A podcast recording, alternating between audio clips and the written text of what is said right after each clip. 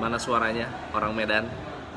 Hari ini saya mau sharing mengenai satu uh, pertanyaan yang cukup bagus. Beberapa waktu lalu saya uh, dapat uh, pertanyaan dari dari klien saya yang mengalami masalah. Masalahnya begini, coach, kenapa ada banyak karyawan-karyawan lama saya yang dulunya bagus, sekarang kok tambah malas?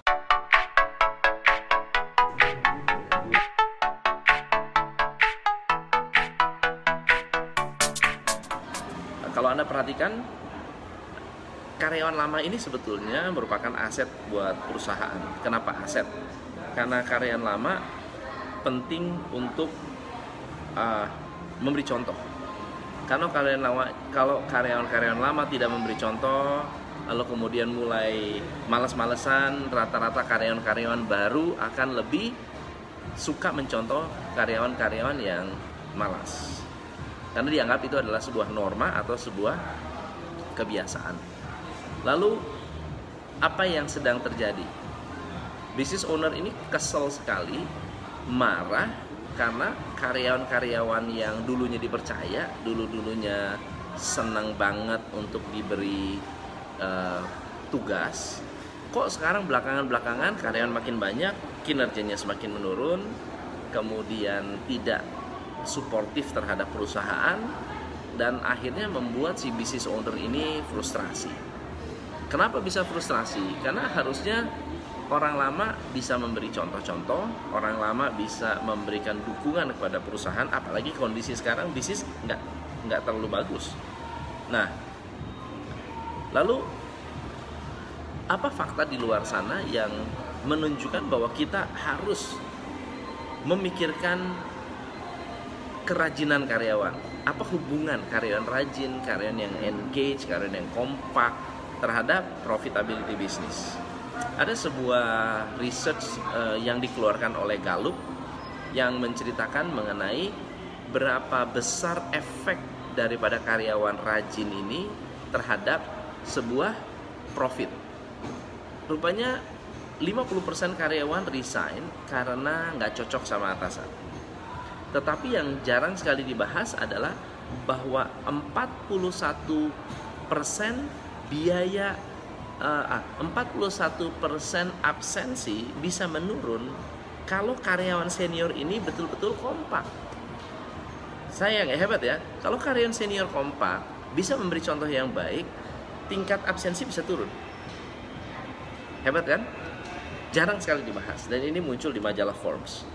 Lalu kemudian 17% produktivitas akan muncul ketika eh, tim atau karyawan itu engage. Engage itu begini, kompak dengan atasan, kompak dengan perusahaan, eh, terlibat begitu. Nah, ada ada satu statistik menarik yang yang menunjukkan bahwa karyawan yang rajin, karyawan senior yang rajin ternyata bisa mempengaruhi 21% produktivitas. Pertanyaannya kenapa produktivitas penting? Produktivitas adalah tulang punggung profit. Kalau Anda ke Toyota, zaman dulu satu orang satu jam bisa membuat 8 mobil. Ya.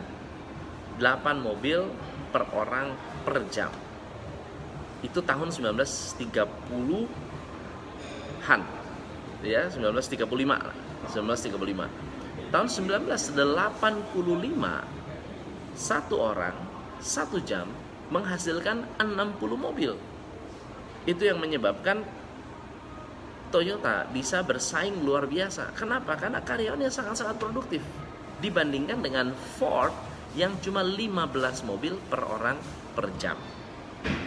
Jadi Anda bisa melihat ya, betapa dahsyatnya, betapa pentingnya karyawan yang produktif.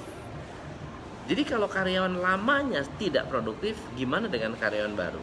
Tapi pertanyaannya adalah apa penyebab dari hilangnya produktivitas karyawan lama? Saya akan bahas satu-satu. Ketika saya kemudian ngobrol dengan karyawannya langsung, jadi saya turun ketemu karyawannya, ternyata ada lima penyebab mengapa anak ini merasa tidak perlu rajin seperti dulu ya? Dia cerita. Nah, kebetulan nah namanya jangan saya sebut lah nggak enak ya. Nah kebetulan dia bilang begini coach saya sih terus terang kalau sama coach saya terbuka dan saya senang uh, sharing. Mungkin keluhan saya ini bisa didengar juga oleh business owner karena saya sudah berulang-ulang sampaikan tapi business owner nggak mau dengar oke okay? keluhan yang pertama saya adalah uh, saya sering kali menyampaikan ide tapi nggak pernah didengar ide bagus tidak didengar ide datang dari mulut dia tidak didengar tetapi ide dengar ide yang sama dikatakan oleh orang lain didengar dan diimplementasi. Jadi Anda bisa merasakan perasaan dari orang senior ini.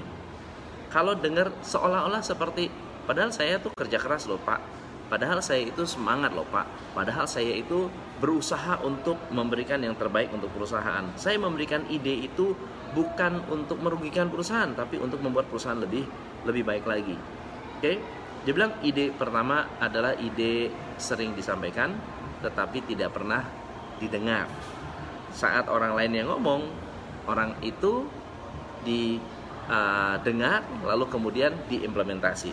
Ya dengan kata lain kalau saya yang ngomong saya kalau coach yang ngomong pasti didengar. Tapi kalau saya yang ngomong gak didengar. Oke? Okay? itu yang pertama. Yang kedua adalah terus terang coach saya itu kerja paling keras. Kalau ini adalah sebuah pabrik kebetulan pabrik kerjanya uh, kebetulan ini adalah pabrik dia bilang saya itu datang yang paling pagi kemudian saya pulang bisa jadi paling malam karena saya terasa tanggung jawab mulai dari barang datang sampai dengan barang dikirim sampai sampai saya memastikan bahwa customer-customer kita betul-betul bisa menerima. Tetapi gaji saya dengan gaji anak baru anak baru jauh lebih besar. Jadi gaji saya ini saya bisa terbuka. Maksud saya saya dengar dari karyawan-karyawan uh, uh, baru bahwa mereka mendapatkan income yang lebih besar dari saya. Padahal saya kerja lebih kenceng. Padahal saya kerja lebih keras. Jadi saya merasa kayaknya harusnya saya kerja lebih ringan sedikit. Karena nggak cocok nggak sesuai dengan penghasilan saya. Oke? Okay? itu yang kedua.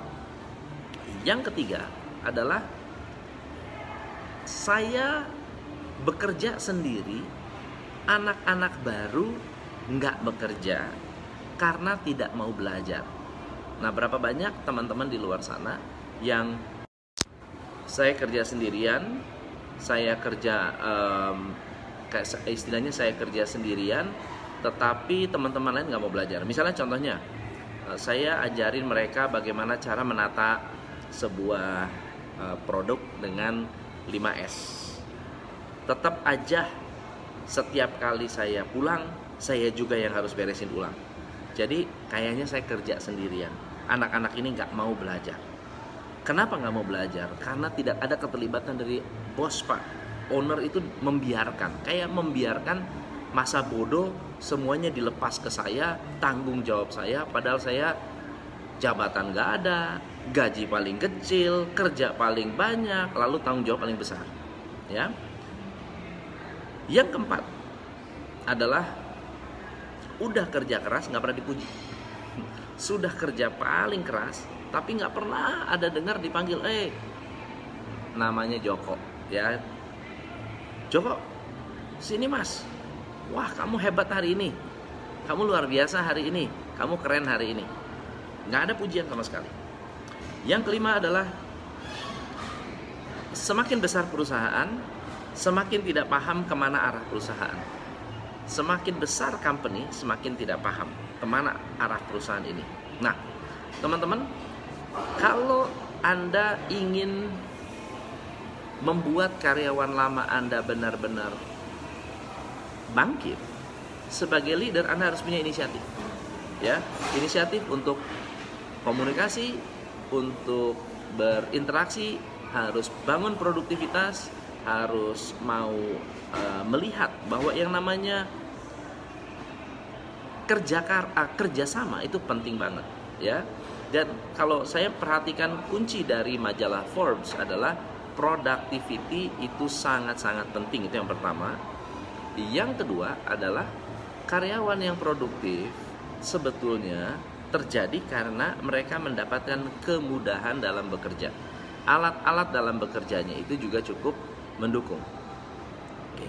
Tanggal 9 Mei saya mengadakan sebuah workshop judulnya Extreme Productivity. Ini adalah workshop yang sangat-sangat bagus untuk teman-teman yang ingin belajar tentang bagaimana meningkatkan produktivitas karyawan karena saya akan membahas uh, tiga aspek besar yaitu bagaimana membuat karyawan Anda produktif, bagaimana leader Anda produktif, bagaimana Anda bisa menciptakan alat agar mereka bisa produktif.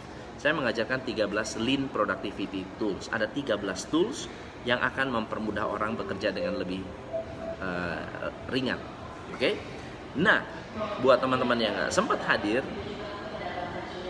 saya ada audiobook 6 uh, enam kesalahan bukan enam enam cara membangun sebuah bisnis enam langkah dalam membangun sebuah bisnis ini ada audiobook yang bagus banget yang mau boleh ketik mau nanti saya akan kalau banyak yang mau saya akan masukkan ke dalam uh, link. Saya akan masukkan link di deskripsi di atas oke? Okay? so kalau suka kalau mau let me know. Ketik mau dari mana saya akan kasih linknya nanti di deskripsi. Di atas atau di bawah? Di atas di bawah di bawah. Di atas di atas di atas. So thank you so much guys. Uh, nanti saya akan uh, makin banyak yang ketik mau makin bagus. Karena setelah banyak yang mau baru saya tulis uh, masukkan linknya atau saya kasih DM anda good job. Thank you so much. Saya Tom MC Fle dari Medan. Salam pencerahan